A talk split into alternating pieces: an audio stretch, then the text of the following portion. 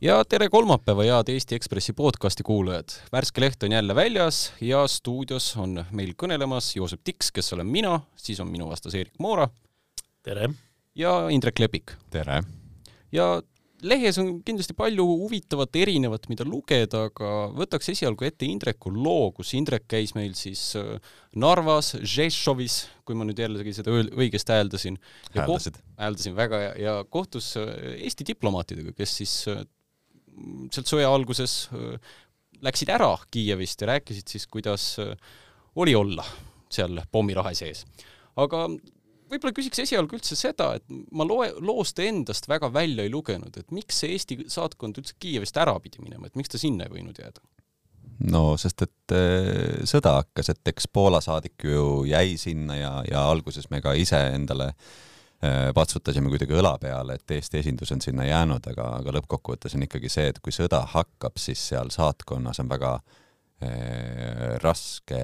tööd teha sellepärast et äh, diplomaatide ülesanne on kohtuda inimestega, äh, kohtuda oma kolleegidega, kes samuti ju Kiievist lahkusid. et, et lõpuks on lihtsalt see, et sa muidu istud seal, hoiad lippu, aga tegelikult äh, sa tööd teha ei saa ja, ja siis sa oledki selles sõjaohus ja, ja, ja nagu tiksud, et, et lõppkokkuvõttes lihtsalt seal ei ole väga suurt mõtet. Aga ei ole nii, et Eesti saadik äh, Kaimo Kuusk on natukene arg mees või ma lugesin, et ta seal, ütleme, kui teised näiteks seal Vivis äh, neil oli juba pooken sellest, et äh, õhualarm oli, et, et nii palju tuli päevas seda häiret, et nad ei hakanud iga häire pärast keldrisse ronima, siis Kuusk rõhutas, et piinlikkust pole vaja tunda, kui sa tahad ennast kaitsta, läks ikka kogu aeg keldrisse. Ei no muidugi, sest et siis, kui pauk käib, siis sa mõtled, et ma oleksin võinud sinna keldrisse minna, et, et lõppkokkuvõttes, kui me hindame neid riske, et isegi kui on tõenäosus üks protsent, et see rakett lendab, siis see üks protsent tapab su ära, et äh, kas selle üheksakümne üheksa protsendi pärast siis on mõtet, äh, on mõtet oma eluga riskida, aga noh, ma saan aru, et inimesed ka ju, ma ei tea, söövad roolis ja istuvad nutitelefonis ja nii edasi, et eks see äh, riskide hindamise võimekus on kõigil erinev, aga Kaimo Kuusk, kes on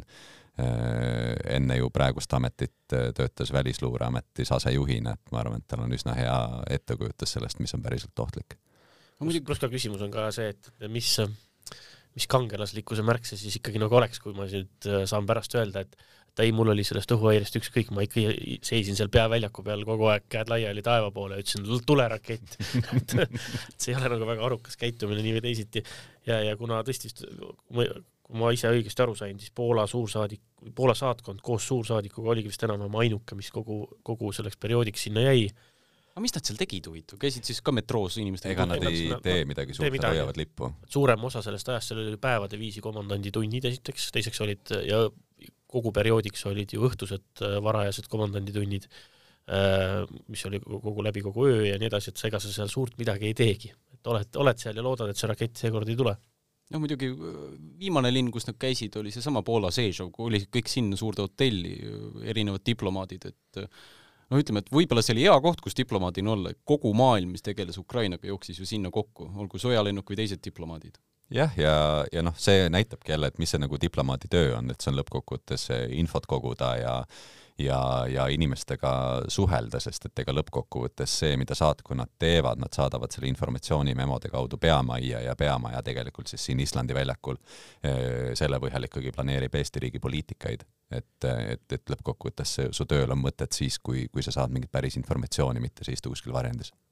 varsti on ju plaan tagasi ka viia see Eesti saatkond Kiievisse, et ma lugesin su artiklist, et nad ootavad Siseministeeriumilt veel viimast sellist julgeolekukinnitust või midagi taolist, et mis seal siis praegu puudu on veel, et üks turvamees on vaja kuskilt veel leida või, või mis on vaja, et Eesti saatkond saaks Kiievisse tagasi minna? no üks osa on kindlasti see, et saatkond peab olema turvatud, et et ma ei tea, oleksid kasvõi akendel ak,, aknad oleksid näiteks kiletatud, et kui äh, lööklaine tõttu lööb äh, klaasid puruks, et need ei lenda tuppa, vaid äh, noh, nii nagu autodelgi, eks ole, et ta lihtsalt tuleb niisuguse tekina maha. et, et, et lõppkokkuvõttes sinna mõtet tagasi minna siis, kui sa saad iga päev olla veendunud, et vähemalt saatkonnas on sul turvaline olla. ja, ja siis, kui see veendumus tekib, eks nad siis tagasi ka lähevad, jah. huvitav, kas see turvatunne võib praegu veidike petlik olla, sellepärast et noh, siin esmaspäevane päev tõi ju ikkagi teateid, kuidas Transnistrias kisub kuumaks ja midagi need venelased po-, podisevad seal vaikselt, et tulevad sellised libaterroristide teated kuskilt Moskvast püütakse kinni, on ju, järsku käivad siin-seal Transnistrias plahvatused ja öeldakse, et appi, terroristid, terroristid, umbes nagu üheksakümne üheksandal aastal juba enne seda Tšetšeenia sõja, sõda, et, et no ma ei tea, praegu suured jalad lähevad kõik Kiievisse tagasi, aga kas sealt võib veel löök tulla huvitav? Nojah, kindlasti võib, äh, lihtsalt juba sellepärast, et, äh, et Ukraina äh, ilmselt siis on andnud ju mõningaid edukaid lööke objektidele ka väljaspool ähm, Ukraina piiri, nii Belgorodis kui Brjanskis, ja, ja sellega, selle peale on Vene vähemalt oma propagandakanalites ja oma mingites nendes intervjuu formaatides on Vene riigi kõrged esindajad andnud märku, et see võib tähendada seda, et me võtame jälle seda Kiievi pommitamist tõsisemalt kättemaksuks. jah, sest et ega kui me vaatame, kuhu need raketid lendavad kuskil Lvivis või praegu ka Odessas, siis nad on ju selles mõttes niisugused äh, võrdlemisi suvalised paugud, et lihtsalt selleks, et pauk ära panna või, või ma ei tea, kas olgu või kortermaja. jah, et, et, et, et ongi, et äh, võib ju olla, et see kortermaja ongi nagu sihikule võetud, et venelastel ei ole mingi probleem olnud tsiviilisikuid tappa, aga jah, et mingit strateegilist eesmärki need vähemasti ei, ei täida või mingit sõjalis, mingi plaani, plaani ta nagu ei täida ma tahan natuke Moldova kohta ka küsida, et mis te arvate, kas seal läheb nüüd sõjaks, sest kõik märgid on päris kuumad seal ümberringi? nojah, Moldova probleem on, eks ole, see, et äh, siis nii-öelda ida pool Dnestrit on, on see Transnistria niinimetatud äh, rahvavabariik ja või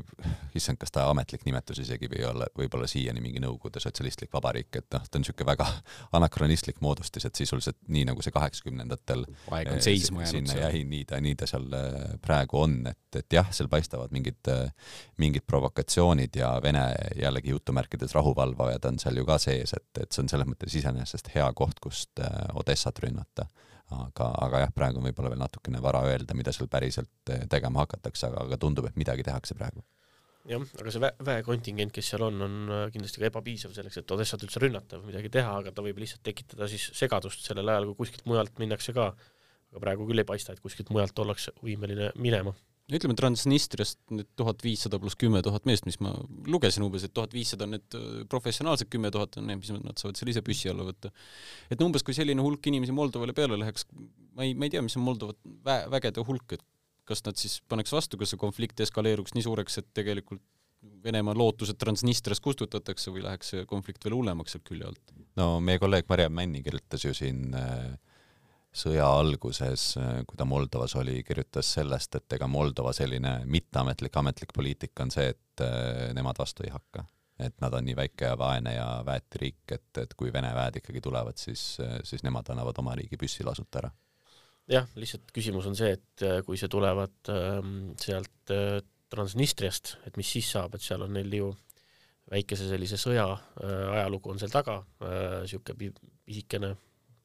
täna noh, lihtsalt selle Ukraina sõja taustal on, on, on kõik need konfliktid pisikesed, aga selline nagu, äh, mis oli siis mõnepäevane või nädal, nädala jagu sõda umbes ja ja, ja, ja mõned sajad äh, hukkunud ka, kui ma, kui ma õigesti mäletan. see oli vist üheksakümnendate alguses. üheksakümnendate alguses jah ja. ja, ja, ja paar soomukit said seal viga ja natukene, natukene äh, laadasid ja, ja Moskvitše ja, ja nii edasi, et, et äh, et, et kui, kui sealt ainult lähtub see oht, siis äh, ma ei tea, kas se sellele, ma arvan, et isegi selle vana konflikti rasva pealt äh, Moldova hakkaks vastu. aga kui tulevad Vene, Vene enda väed ja, ja need, kes sarnasel moel nagu Ukrainasse mindi, siis pole Moldoval muidugi mingit šanssi. no ütleme, et meredessant näiteks venelastel, aga noh, muidugi samas Neptuuni raketid võib-olla võivad nagu seda entusiasmi tagasi tõmmata, et plaan võib hea olla paberil, aga reaalsus, kui Ukraina näiteks vastu hakkab selles situatsioonis, oleks vist teine jah, aga noh, muidugi äh, võib-olla põhjust arutada praegu on teiste asjade üle, et ma arvan, et Venemaal on piisavalt äh, praegu tööd äh, Ukraina rinnetel, kus nad ju tõenäoliselt peksa saavad lähiajal, nii et nii et sellega, mõte seda, et nad väga tahaksid laiendada ja minna uusi, uusi rindeid avama, ei tundu mulle nagu väga realistlik praegu. noh, muidugi ma ei tea, mis see point siis oleks nendel terroriaktidel nii-öelda seal Transnistrias, et vaatan ja mõtlen ja üritan enda jaoks ka lahti selgitada, et mis see nagu tulemus siis sellest kõigest on, et okei okay,, neil on antud mingisugune punane on ju häire nii-öelda seal Transnistrias, üheksas mai jäetakse neile ära, noh mitte küll kuupäev, aga paraad seal, aga, aga mis siis või kas see on lihtsalt mingi tühi ähvardus, kas sellele päriselt ka järgneb midagi, kas see on mingisugune suur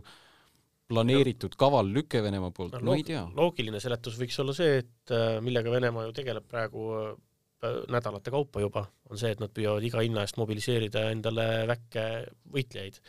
Ja nad on sellega ikka väga hädas ja, ja, ja ei leia neid ja, ja võtavad ka selleks ikkagi täiesti kõlbmatut kontingenti ja tahavad võtta neid just sellistest piirkondadest, kus nad ei riski nii-öelda enda siis valijatega või enda, enda päris äh, alamatega, kelles, kelle lähikondsed võiksid hakata protestima ja probleeme põhjustama, sellepärast on võetud Donetski ja Luganski vanameesteni tühjaks, sellepärast on võetud kaugetest vabariikidest tühjaks ja ma arvan, et see Transnistria kui selline täiesti nagu pseudomoodustis tegelikult põhimõtteliselt selline nagu maffia, maffia mingisugune riigikene kuskil ei kusagil äh, on, on, on suurepärane koht, kus saab lihtsalt kahuriliha. ma arvan, et selleks, et, et, tekitada seal seda pinget ja tekitada seal seda mobilisatsiooni, selleks, et tegelikult saata neid Ukraina sõjarinnetele kuhugi kahurilihaks, selle nimel pigem võidakse neid asju teha vahetaks teemat, siin peaks olema vahel võib-olla mingisugune kõllike või asi, mis ütleks, et tara, meil on uus on ju plokk, aga, aga las ta praegu olla, see on lihtsalt minu hääl, mis seda teeb ähm, vaata ühest äh, diplomaatia pealinnast Šešovist rääkisime, see on selline laiguline diplomaatia, ma ütleks, on ju, et sõjatehnikat käib seal läbi ja maailmas kõiki diplomaate, kõik, kes on kursis Ukraina sõjaga, on praegu seal Šešovis. Äh, Eerik kirjutas teisest diplomaatia mekast, mis on Brüssel, kus on äh, palju sellist, ütleme, õukonna intriige ja sahistamist ja kes teeb tööd ja kes ei tee tööd ja Eesti, ütleme, selline kõige säravam täht Brüsselis, Kadri Simson, tema sa siis võtsid fookusesse ja ma ei tea, kui nüüd Kadri Simsoni ametiaeg äh, Euroopas läbi saab, ta ei ole enam energeetikavolinik, et kas keegi üldse mäletab, et ta kunagi on olnud seal? ma arvan küll, et mäletab. ja, ja, ja millest ma selle loo kirjutasingi nagu natukene sellest, et ähm, et äh, olin äh, oma allikatelt ja inimestelt, kes on kursis ähm, siis äh, sellise nagu Brüsseli äh, Brüsseli sellise siseeluga nii eestlastelt kui mitte-eestlastelt äh, ja erinevatest ametkondadest äh, nagu kuulnud pidevalt sellist nagu tugevat äh, nurinat Kadri Simsoni üle, et ta äh, nagu hädavaevalt täidab selle koha ära või kuidagi, et on hästi passiivne, ei tee midagi, on, on, on selline noh, alla igasugust latti jooksmas oma selle portfelli otsas, mis tegelikult on Euroopa vaates tohutult oluline ja siis äh, no eriti veel nüüd, kus seda, on ju energiakriis on selja taga sõda on ja ja seda infot oli, oli, oli nagu tulnud mitut puhku. Ja siis ma käisin ise äh, märtsi esimeses pooles ehk siis äh, sellel kõige suurema sellise šoki ja reaktsiooni ajal käisin ka Brüsselis. Ja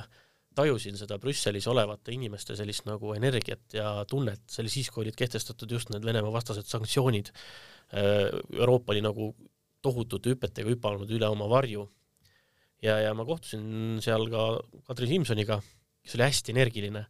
hästi äksi täis, hästi palju toimus, ta nii edasi, ta oli nagu niisugune nagu hoogne, hoogne ja, ja, ja entusiastlik ja tal oli tohutult mingisuguseid kohtumisi ja asju teda ootas ees. temaga te,, temaga tegi intervjuu samal õhtul äh, Richard Quest äh, äh, CNN-i jaoks. see naljaka häälega mees. jah, ja, ja, ja, ja nii edasi, ehk siis,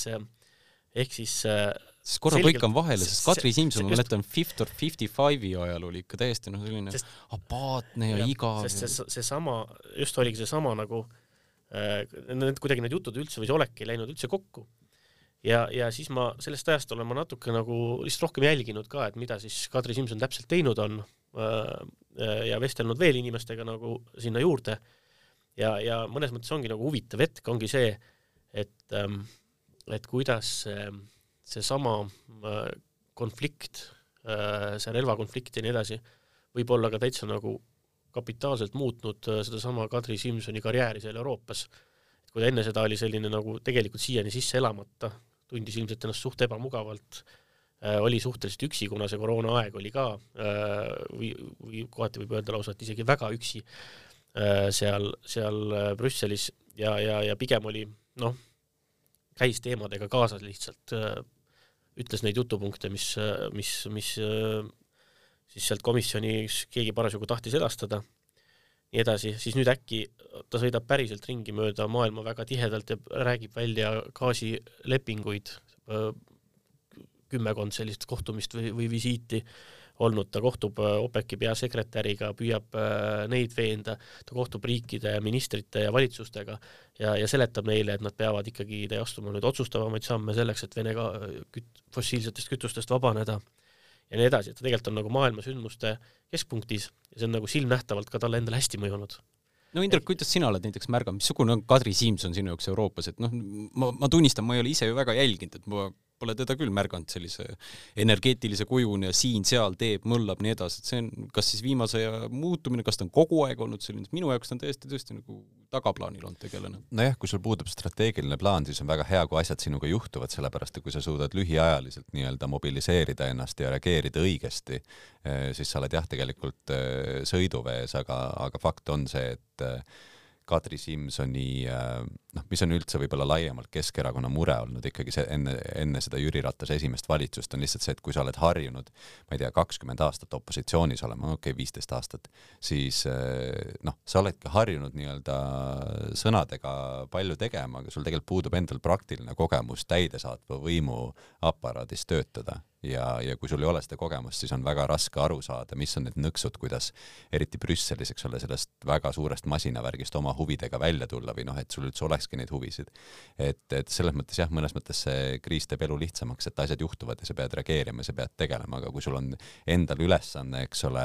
eh,, ma ei tea, Euroopa Liidu laiem energiapoliitika kuidagi ümber suunata mingile rohelisemale teele, siis noh, see on ka väga võimekale ja kogenud Eh, volinikule raske ülesanne. no ja miljardi tükiga Lego on ju, aga noh, mul on tunne, et Simson võib-olla sai selle koha natuke nagu sellise partei loorberite pealt ja nüüd on siis make it or break it moment all, jah? no kohe kindlasti see on jah, jah, ja küsimus on see, et, et Brüsselis ei ole mingit puudust nendest inimestest, kes tahavad teha ajalugu ja kes haaravad sellisest võimalusest ja kelle silmad nagu väga põlevad niisuguse, niisuguste hetkede ja võimaluste järele ja eks küsimus on, et kas, kas ja kui pikaajaliselt ja kui sisuliselt siis see Kadri Simson seal ennast kehtestada suudab või, või kas tema on siis see lõpuks, kes, kes kastanid tulest välja teeb, toob, aga, aga kui jah, kui natuke süveneda sellesse näiteks, et ähm, kas ja kuidas äh, tema see direktoraat ja tema, tema nagu äh, alluv meeskond äh, tegeleb Ukraina igapäevase praktilise aitamisega näiteks, siis seal on ka ikkagi võrreldes eelmise aastaga on, on ikka väga suur vahe, et kui öeldi, et, et, et eelmisel aastal äh, Äh, Ukraina jaoks nii olulist nagu partnerit või nagu sellist, selline, selle energia valdkonnas Euroopa Komisjoni ja eriti siis energiavoliniku nagu kohtumisi oli ja oli, oli nagu midagi toimunud, on ju, aga, aga no ikkagi see oli kuidagi vähe ja pinnapealne, siis praegu ka see kontakt on väga, väga tihe aga kas see on ähm, nüüd Simsoni oma initsiatiivist või see on ikkagi, et von der Leyen ütleb talle, et, et kuule, mine nüüd tee seda ja toda ja nii edasi, et äh, kui palju temas endas on seda juhti ja kui palju teda, temas on tegelikult lihtsalt tubli euroametnikku? ma ise arvan küll, et väga suur roll ongi selles äh, üldse, kuida-, kuidas komisjon suhtub, teeb ja käitub, on, äh,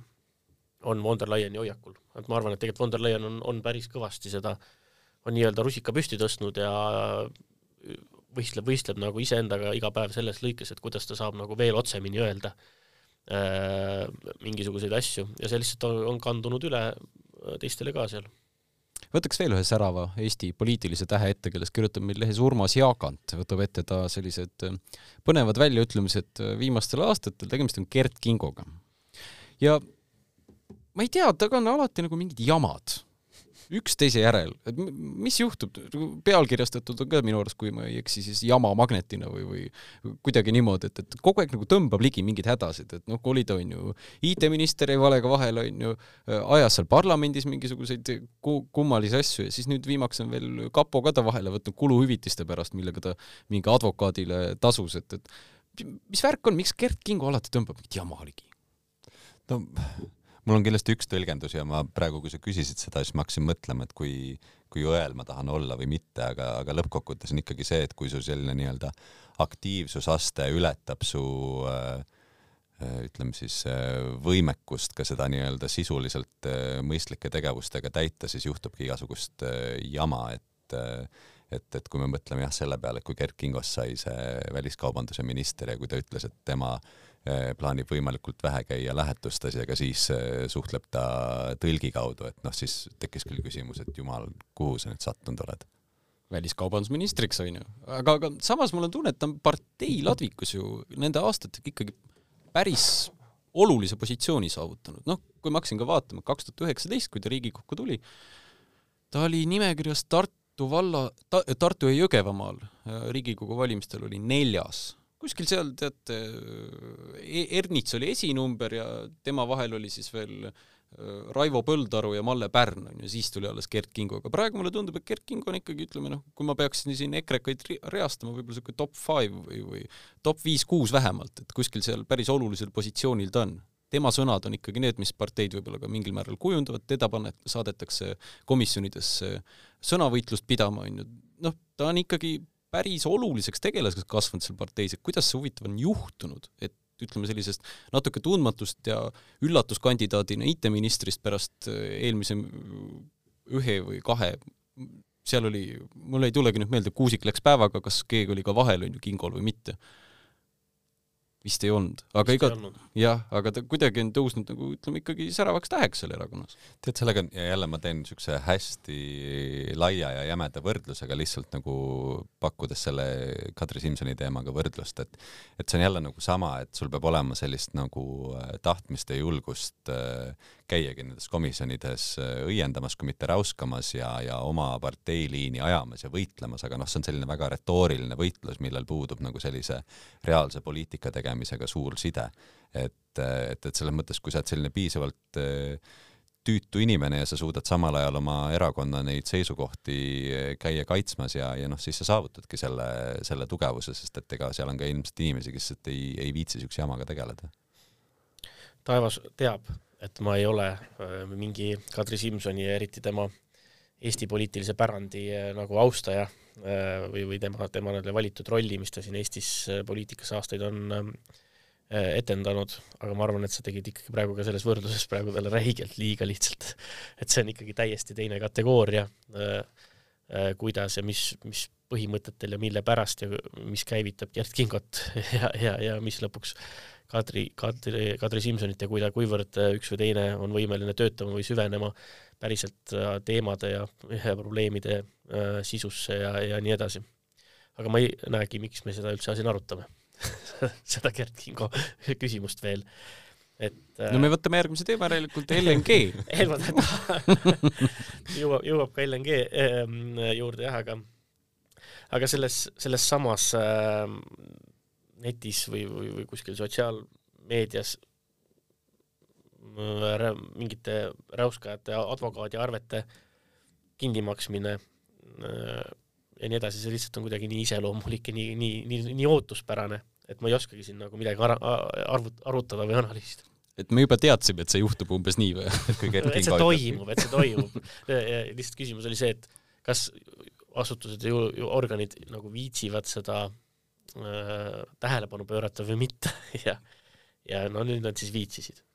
või et äh, Gerd Kingo ütleb siis selle uurimise peale, et tema ei ole oma kuluhüvitistest mingeid hüvesid saanud, et see on ka natukene iseenese sisserääkimine, et lõppkokkuvõttes need ongi selleks, et oma mingeid kulusid kinni maksta, mitte teiste inimeste omi, aga noh, jah, see selleks, et lõppkokkuvõttes äh, Eerikul on õigus, et äh, Gerd Kingo puhul on tegu rohkem nagu kurioosumiga kui, kui sisuliselt Eesti poliitikat mõjutava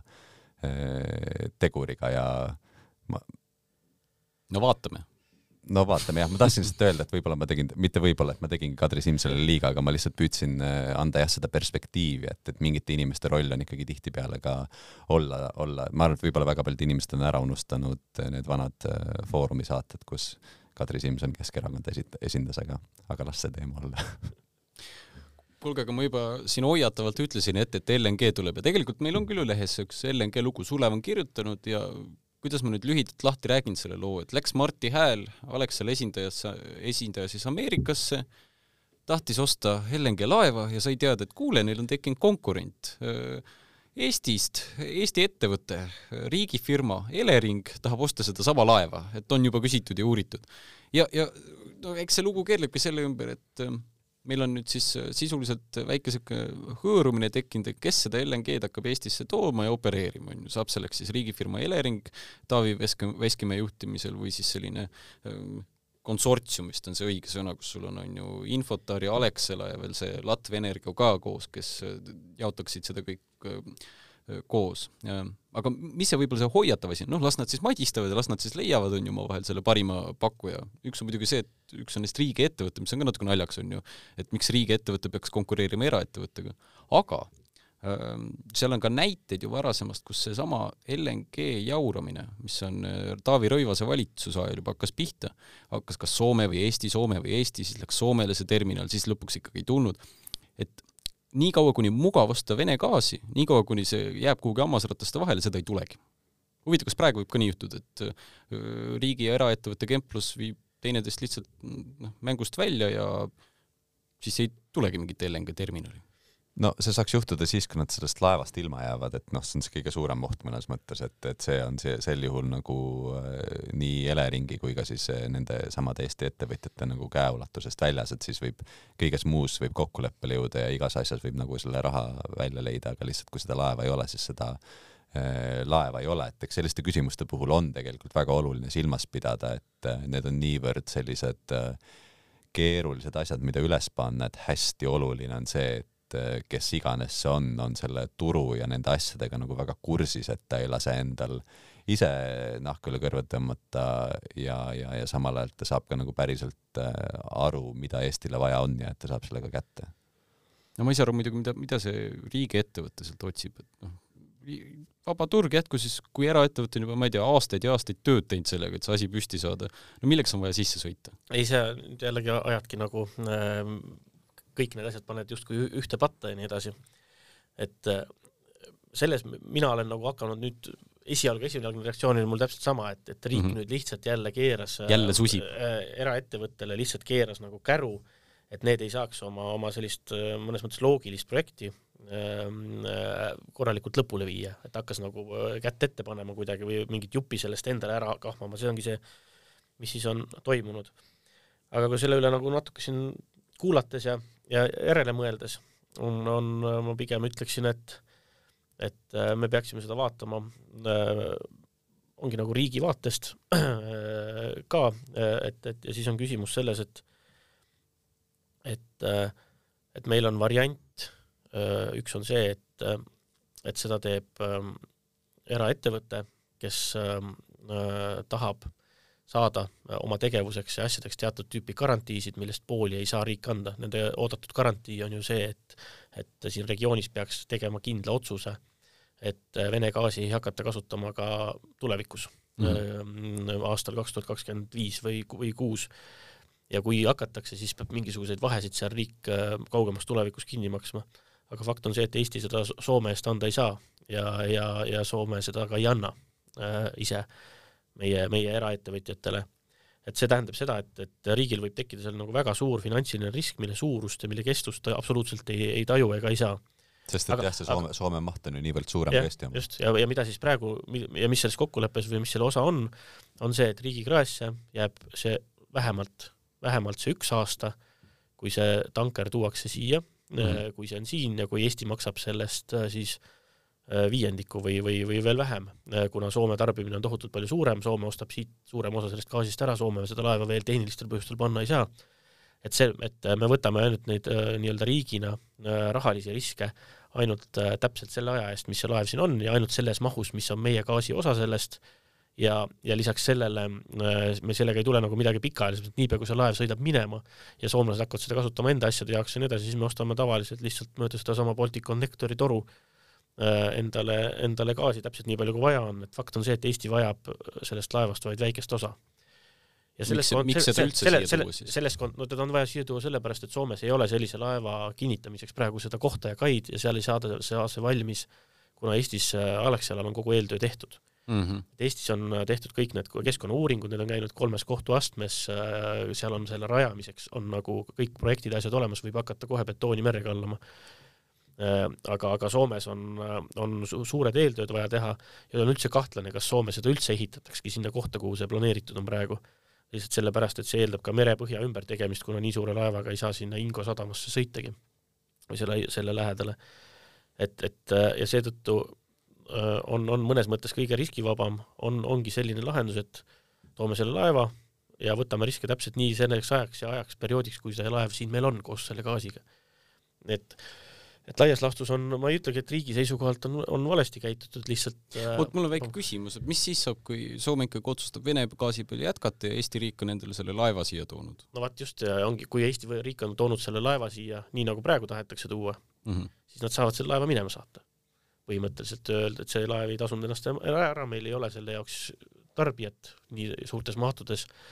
ja, ja selle saab rendi lõpetada, minema saata kohe nagu päevapealt aga Alexela ei saadaks seda ära. Alexela tuleks ka veel hinnavahe kinni maksta. aga kui Alexela, Alexela puhul ähm, need garantiid, mida Alexela tahab, ongi, ongi nagu pikaajalisemad. ja, ja, ja siis, siis sa peaksid neid asju edasi maksma tõenäoliselt. no kuidas, sest Alexela tahaks pikaajalist lepingut sõlmida, aga Eesti riik siis ei sõlmiks pikaajalist lepingut selle laeva prahtijaga või? no või mis võimaldaks Eestil öelda nüüd ülejärgmine aasta, et kuule, tegelikult ei läinud vaja ka, võtke tagasi? no seal on erinevad ju äh, variandid on, ma arvan, veel läbirääkimistes, et ma ei, ma ei usu, et kellelgi on nagu täpselt paigas, kui pikaks ajaks või mida keegi tahab. et need Alexela garantiid pigem olid olnud sellised nagu, mis nad soovivad, ongi sellised administratiivsed tagatised, et, et Vene gaasi ei ostetaks mm. -hmm. aga küsimus on, et juhul, kui teda siiski hakatakse ostma, näiteks Venemaal vahetub võim kahe kuu pärast või uus võim ütleb, et no see, see, see sõda oli viga, see kõik on, me kahetseme, lõpetame, see on selge, et, et kohe lõpetatakse ka sanktsioonid. sellistes oludes soomlased ja näiteks öeldakse, et me tahame taastada, soomlastel on ju Euroopa kõige odavama gaasi hinnaga pikaajaline leping. ja nii edasi, soomlased kindlasti tahavad seda kohe jätkata, tegelikult tahavad nad juba praegu seda jätkata, ma arvan, rohkem kui meie tahame seda nendest mõelda. ja viimane teema, Macron meil, no ütleme, kui nalja teha, siis äh, küpsis võitis pastakat, on ju, Prantsusmaal. Äh, aga Sloveenias oli ka tegelikult Euroopa-meelse inimese võit, et äh, oli ta nimi Janek Jansa, kes pähe sai või? Janes Jansa. ja Janes Jansa, jah, et kas see hakkabki olema nüüd trend, kuniks sõda kestab, et Euroopas peavooluvalija läheb ja tuleb välja ning annab hääle siis peavoolukandidaadile? Minu meelest siin on üks asi, mis eh, enne valimisi oli hästi tunda, et inimesed minu meelest, inimesed, ma ei tea, niisugune nagu avalik arutelu selle ümber oli kuidagi hästi pessimistlik ja minu meelest täiesti põhjendamatult pessimistlik, et minu meelest algusest peale Le Peni võimalusi kuidagi hinnati hästi suurelt nagu üle eriti kui me vaatame kas neid eh, esimese vooru tulemusi, kus tegelikult Le Peni nagu häältesaak võrreldes nende teiste, noh, ütleme ka siis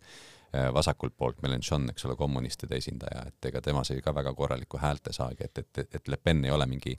ainus konkurent Macronile Mm -hmm. et, et, et, et selles mõttes minu meelest juba algusest saati Le Peni võimalusi kindlasti hinnati üle, ma saan aru, miks seda tehti, eks ole, kahe tuhande kuueteistkümnendal aastal juhtus kaks väga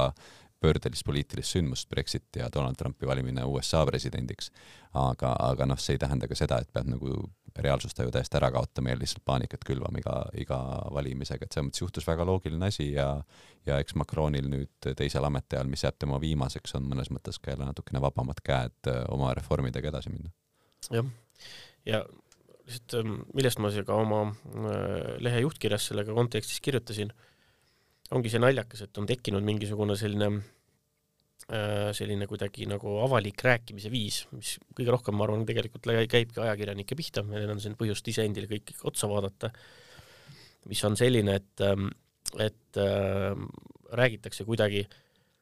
nagu äh, hästi põlastavalt pea, peavoolupoliitikutest, nad oleksid justkui nagu elukauged ja võõrad ja nad ei tea päris inimeste muredest midagi, et on olemas kuskil on need päris inimesed, päris rahvas, kes äh, on välja vihastatud ja raevus ja, ja, ja kes, kes äh,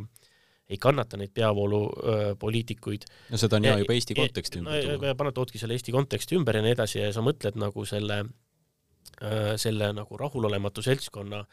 nii kuidagi ühtseks ja nii suureks enda peas, et sa teed lõppkokkuvõttes lõpetad nagu totrusega, et tegelikult ongi nagu, ka minu juhtkirja sõnum oligi seesama,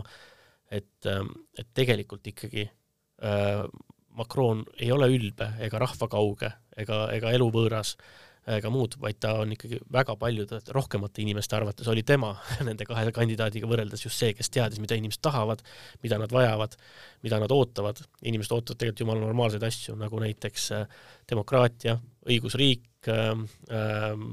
mingisugune autunne või, või lugupidav äh, käitumine oma oponentidega, ootavad äh, rahvusvahelist tõsiseltvõetavust äh,, ootavad, ähm, ootavad kõiki neid asju, mis on traditsiooniliselt olnud äh, sellise nagu poliitilise ideaali osa, see pole kuhugi kadunud, ehk siis ähm, et enamikel valijatel on trumpismist natuke kõri. ma arvan, et ongi just nimelt, et enamik, enamikku, enamust inimestest on see kõik nagu kohutavalt kurnanud ja väsinud, väsitanud ja ka segadusse ajanud. Aga, aga need viimased valimised ja eriti ma arvan just see nagu see julgeoleku olukord, mis meil on, äh, lõi sellise teistsuguse vaimse atmosfääri, kus inimesed äh, lihtsalt äh, ei, ei, ei soovinud ega ei läinud kaasa, kaasa niisuguste nagu riskantsete avantüüridega. ega lähiajal on suured valimised ju USA-ski tulemas, vahevalimised ja kaks aastat on jäänud vist Bideni ametiaja lõpuni ka. jah eks see Ameerika kontekst on natukene etteaimamatum, et seal oma osa mängib ka kindlasti see valimissüsteem, mis annab, annab nendele väiksematele osariikidele eh, suurema kaalu, aga, aga jah, ma tahtsin Eeriku jutu nagu jätkuks öelda ka lihtsalt seda, et eks eks need sellised populismiaastad on näidanud ka seda, et küsimus ei ole niivõrd nagu selles, et kas kas siis äh, ütleme, globaliseerumise vastuastumine või immigratsiooni vastuastumine ja kõik need asjad, et kas need on ka nagu objektiivselt halvad või mitte, et mõnes mõttes see on nagu maailmavaate küsimus, aga lihtsalt see on nagu päädinud sellega, et lihtsalt me oleme näinud aastate viisi, kuidas kõik need populistid lihtsalt ei ole väga osavad inimesed ja nad ei suuda lihtsalt neid riike juhtida, et me näeme samamoodi Brasiilias, me näeme seda Trumpi Ameerikas, eks ole, noh, see Covidi pandeemia oli selles mõttes nagu hea,